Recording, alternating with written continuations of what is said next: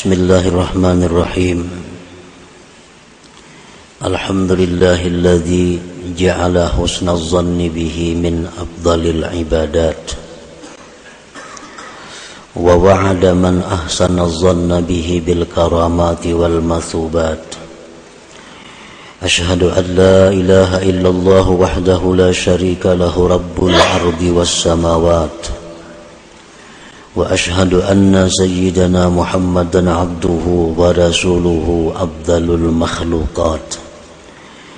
اللهم صل وسلم وبارك على سيدنا ومولانا محمد سيد السادات وعلى آله وأصحابه والذريات. أما بعد.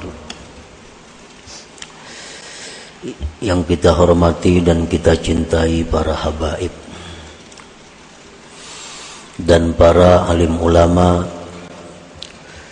para muhibbin, hadirin hadirat rahimakumullah.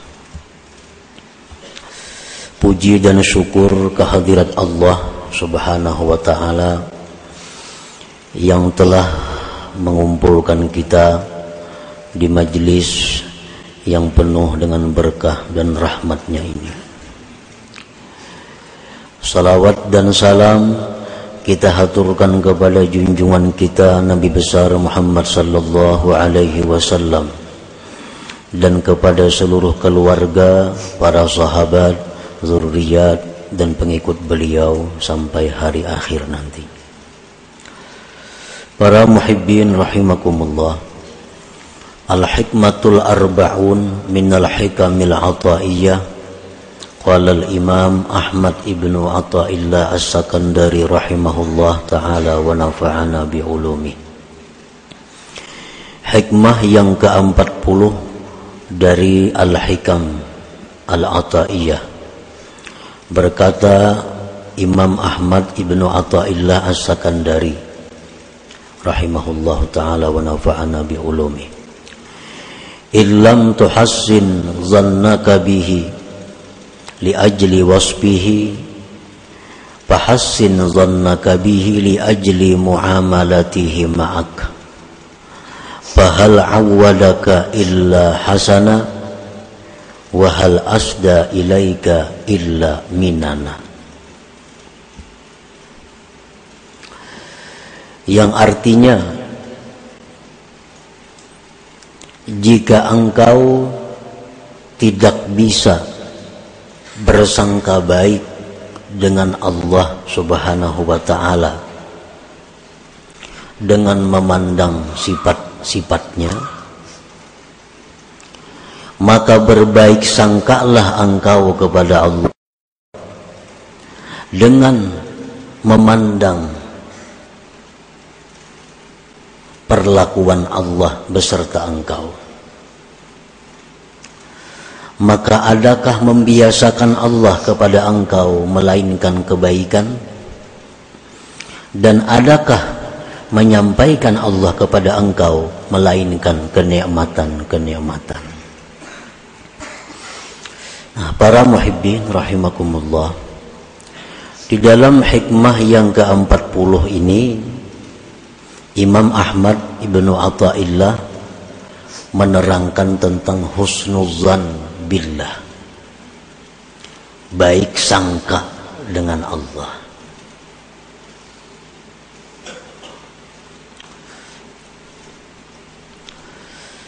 Rasulullah sallallahu alaihi wasallam beliau telah menyatakan inna husna zannin billah min husni ibadatillah. Bahwa baik sangka dengan Allah itu termasuk kebaikan ibadah kepada Allah.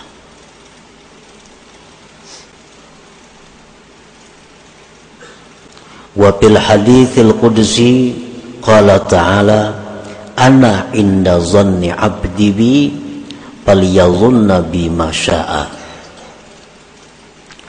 Allah berfirman bahwa aku menurut sangkaan hambaku denganku maka hendaklah dia menyangka denganku sesuatu yang dia kehendaki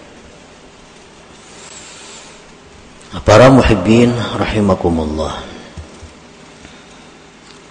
Husnul zanni billah huwa i'tiqaduka annahu ta'ala la yuridu bika illa khaira. Apa artinya baik sangka dengan Allah itu? Apa yang dimaksud dengan berbaik sangka kepada Allah? yang ini merupakan satu ibadah yang ini merupakan satu kewajiban di mana kita dituntut untuk berbaik sangka kepada Allah apa yang dimaksud dengan berbaik sangka kepada Allah itu ialah i'tikat engkau keyakinan yang bulat di hati kita bahwasanya Allah tidak menghendaki dengan engkau kecuali kebaikan. Nah, itu artinya baik sangka kepada Allah. Kita mengiktikatkan di dalam hati. Maksudnya mengiktikatkan itu meyakini sebulat-bulatnya yakin. Bahwa Allah itu tidak menghendaki kita ini kecuali baik. Tidak menghendaki kepada kita kecuali baik. Apa pun yang kita terima dari Allah, baik itu berupa kenikmatan, baik itu berupa kesengsaraan, baik itu kekayaan, baik itu kemiskinan. Kita disuruh mengiktikatkan di dalam hati bahwa itu adalah Allah menghendaki kita ini baik.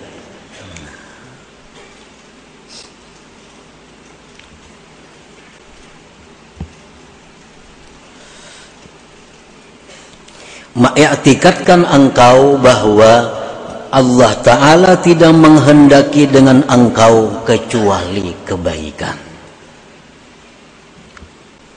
Para muhibbin rahimakumullah. Kita berdoa lawan Tuhan minta kepada Tuhan. Ini orang hidupnya susah, hidupnya sengsara. Lalunya minta kepada Allah, berdoa. Ya Allah, luaskanlah rezeki hambamu ini. Ya Allah, lunaskanlah hutang-hutang hambamu ini. Ya Allah, sihatkanlah tubuh hambamu ini itu sudah doa itu diajuakan kepada Allah setiap hari sudah berbulan-bulan kada kelihatan hasil hutang tetap bahkan bina bertambah awak tetap bina uyuh kesengsaraan tetap maka doa ini setiap hari lima kali lebih sehari dimohon kepada Allah Nah, bagaimana kita berbaik sangka kepada Allah?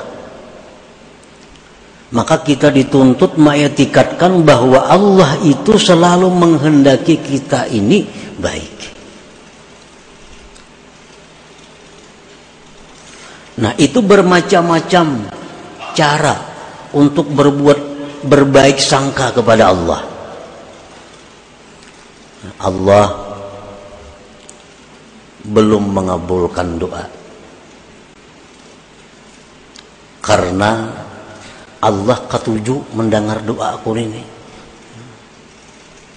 Allah ketujuh mendengar doa aku ini amun dikabulakannya kan aku kada berdoa lagi nang macam itu.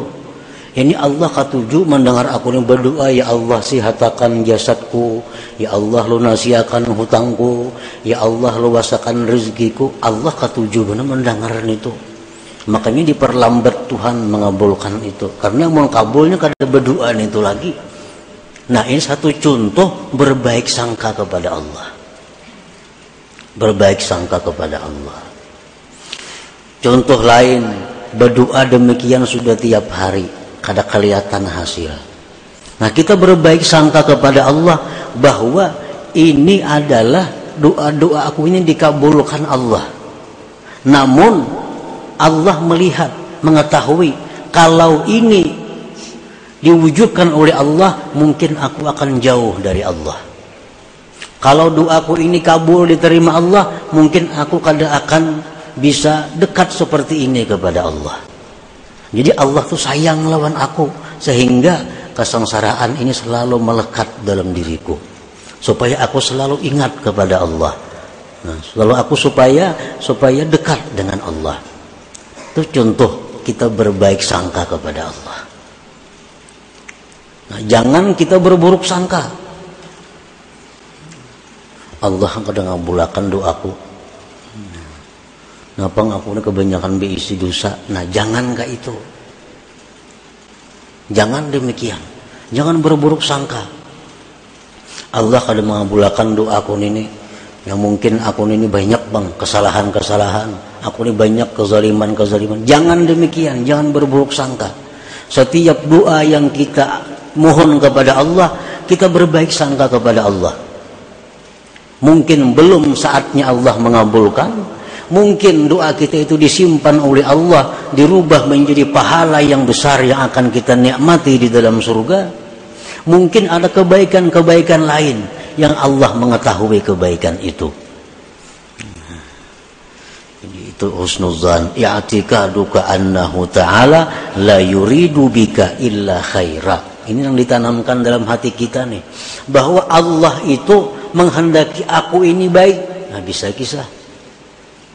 Allah kadang menghendaki aku ini sengsara. Allah kadang menghendaki aku ini jahat. Ya'tikaduka annahu ta'ala la yuridu bika illa khaira. Nah itu husnuzan ngarannya. Baik sangka lawan Tuhan.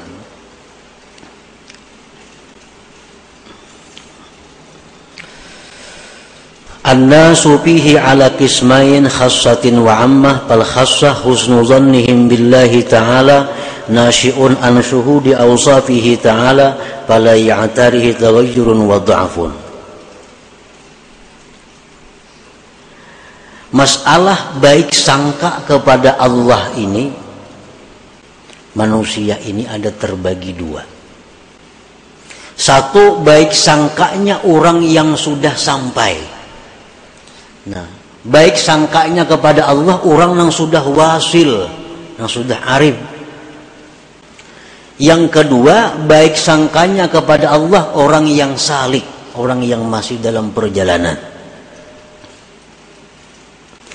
Orang yang sudah wasil, orang yang sudah arif kenal dengan Allah itu baik sangka mereka dengan Allah terbit daripada memandang sifat-sifat Allah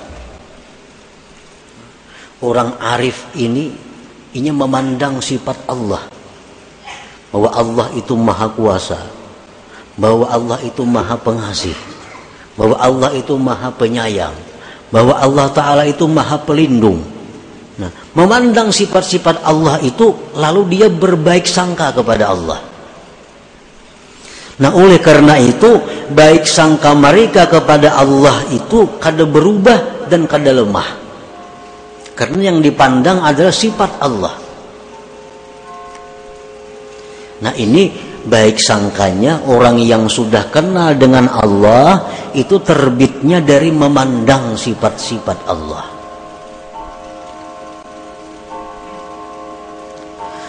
Nah sedangkan orang yang salik, orang yang masih dalam perjalanan, orang yang belum sampai, husnuzannihim billah nasyi'un min dzikri ma madha min ni'amillah wa ma'rubihi wa hibzihi wa rahmatih baik sangka mereka itu dengan Allah terbit dari mengingat yang telah lalu dari kenikmatan-kenikmatan yang diberikan Allah kebaikan dari Allah pemeliharaan dari Allah dan rahmat Allah.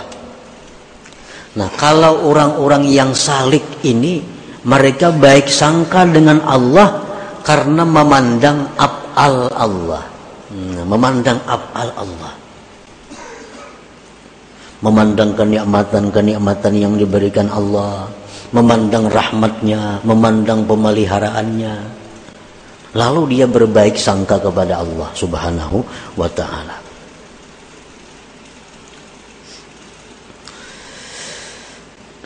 Bi an hadahu lil iman sayyidina Muhammad sallallahu alaihi wasallam wa manna alaihi bisihhati wal afiyati war riayah wa lam yas'al dzalik min qablu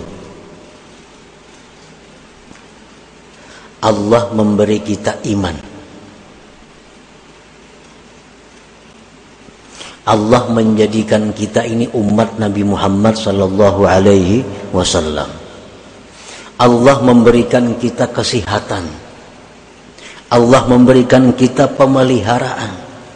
Padahal kita dahulu belum pernah minta itu kepada Allah.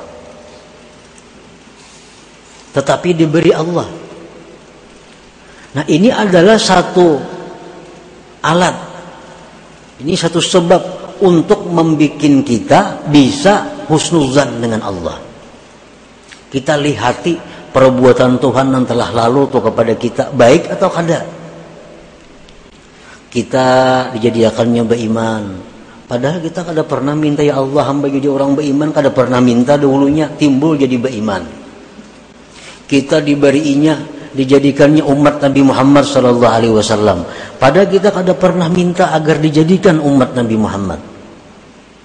Kita dijaganya, dipeliharanya. Kita hendak guring. Hendak guring. Adalah kita minta, ya Allah hamba hendak guring. Jaga akan jangan sampai samut masuk ke telinga. Jangan pijit masuk ke dalam hidung. Adalah kita minta peliharakan kadada. Tapi Allah jaga samut kada masuk ke telinga waktu kita guring tuh tim pijit kada masuk ke hidung itu pemeliharaan Allah nah jadi Allah itu selalu memberikan kenikmatan kepada kita nah ini hendaknya dijadikan satu modal kita untuk bisa husnuzan berbaik sangka dengan Allah kepada hal-hal yang lainnya. Nah, para muhibbin rahimakumullah. Husnuzan billah yurisu sabra wa syukra wal hubba war ridha.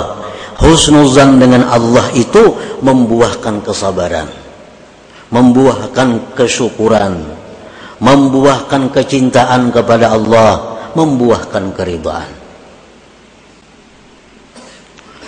kita misal mendapat kesusahan nah kita dapat kesusahan Nah, ini tempat yang perlu kita berbaik sangka kepada Allah. Nah, ini Allah memberikan aku kesusahan ini karena Allah sayang lawan aku. Nah, itu baik sangka. Allah memberikan aku demikian kesulitan-kesulitan supaya aku ini lebih dekat dengan Allah. Nah, ini baik sangka dengan Allah. Buktinya apa Tuhan itu sayang lawan aku? Buktinya apa? Nah, aku dijadikannya orang beriman, padahal kan tidak minta. Aku dijadikannya umat Nabi Muhammad. Aku diberinya ini, diberinya ini. Itu satu bukti bahwa sayang lawan aku. Nah sekarang diberikannya hal-hal yang tidak menyenangkan, ini berarti Allah menunjukkan bahwa dia senang dengan aku. Nah itu berbaik sangka kepada Allah. Jangan kita beranggapan kalau kita menerima hal-hal yang kada nyaman itu ya Allah sarik lawan aku nih. Jangan bujuran sarik Tuhan. Ana inda zanni abdi bi. Aku menurut sangkaan hambaku dengan aku.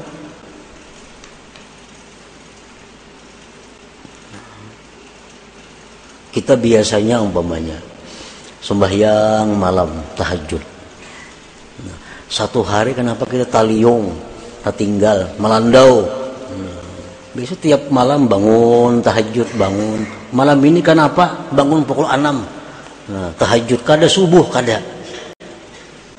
Nah baik sangka lawan Tuhan. Ini Tuhan menjaga aku. Supaya apa? Supaya aku jangan ujub. Supaya aku merasa bahwa aku ini lemah. Kalau kada ditolong Tuhan kada kau bangun juga. Nah, baik sangka lawan Tuhan. Maka baik sangka kita kepada Allah itu pahalanya lebih besar daripada kita bangun malam dan sampai yang subuh berjamaah itu. Namun kita mengerti itu, langkah itu.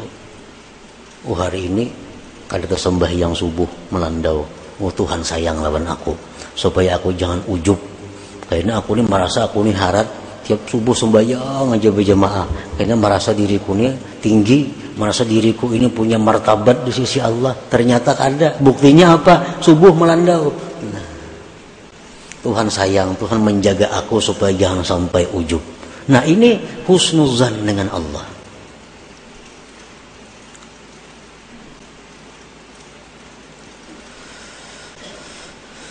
Wala yang bagi lil abdi ayyu farikahu la siyama fi awqatis syada'id wa hululil masaib li yaqa'a bi adami dzalik fil jaza was sakhat Tidaklah patut seorang hamba itu berpisah dengan husnuzan terutama di waktu-waktu susah, di waktu ditimpa musibah.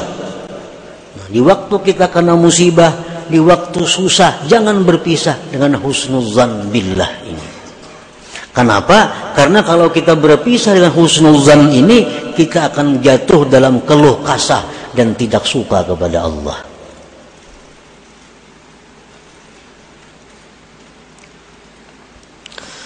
Nah, para muhibbin rahimakumullah. Fahusnul zanni billahi fi amri dunyahu yatlubu minal abdi ayyakuna wasikan billahi ta'ala fi isalil manafi ilaihi fala yatruku lidhalik wazaifal ibadah husnuzan baik sangka dengan Allah pada perkara dunia itu menuntut seorang hamba bahwa dia percaya dengan Allah pada menyampaikan manfaat, menyampaikan rezeki kepadanya. Dalam urusan dunia, kita husnuzan kepada Allah. Kayak apa orang husnuzan kepada Allah dalam hal urusan dunia? Dia percaya bahwa Allah pasti akan menyampaikan rezekinya kepadanya.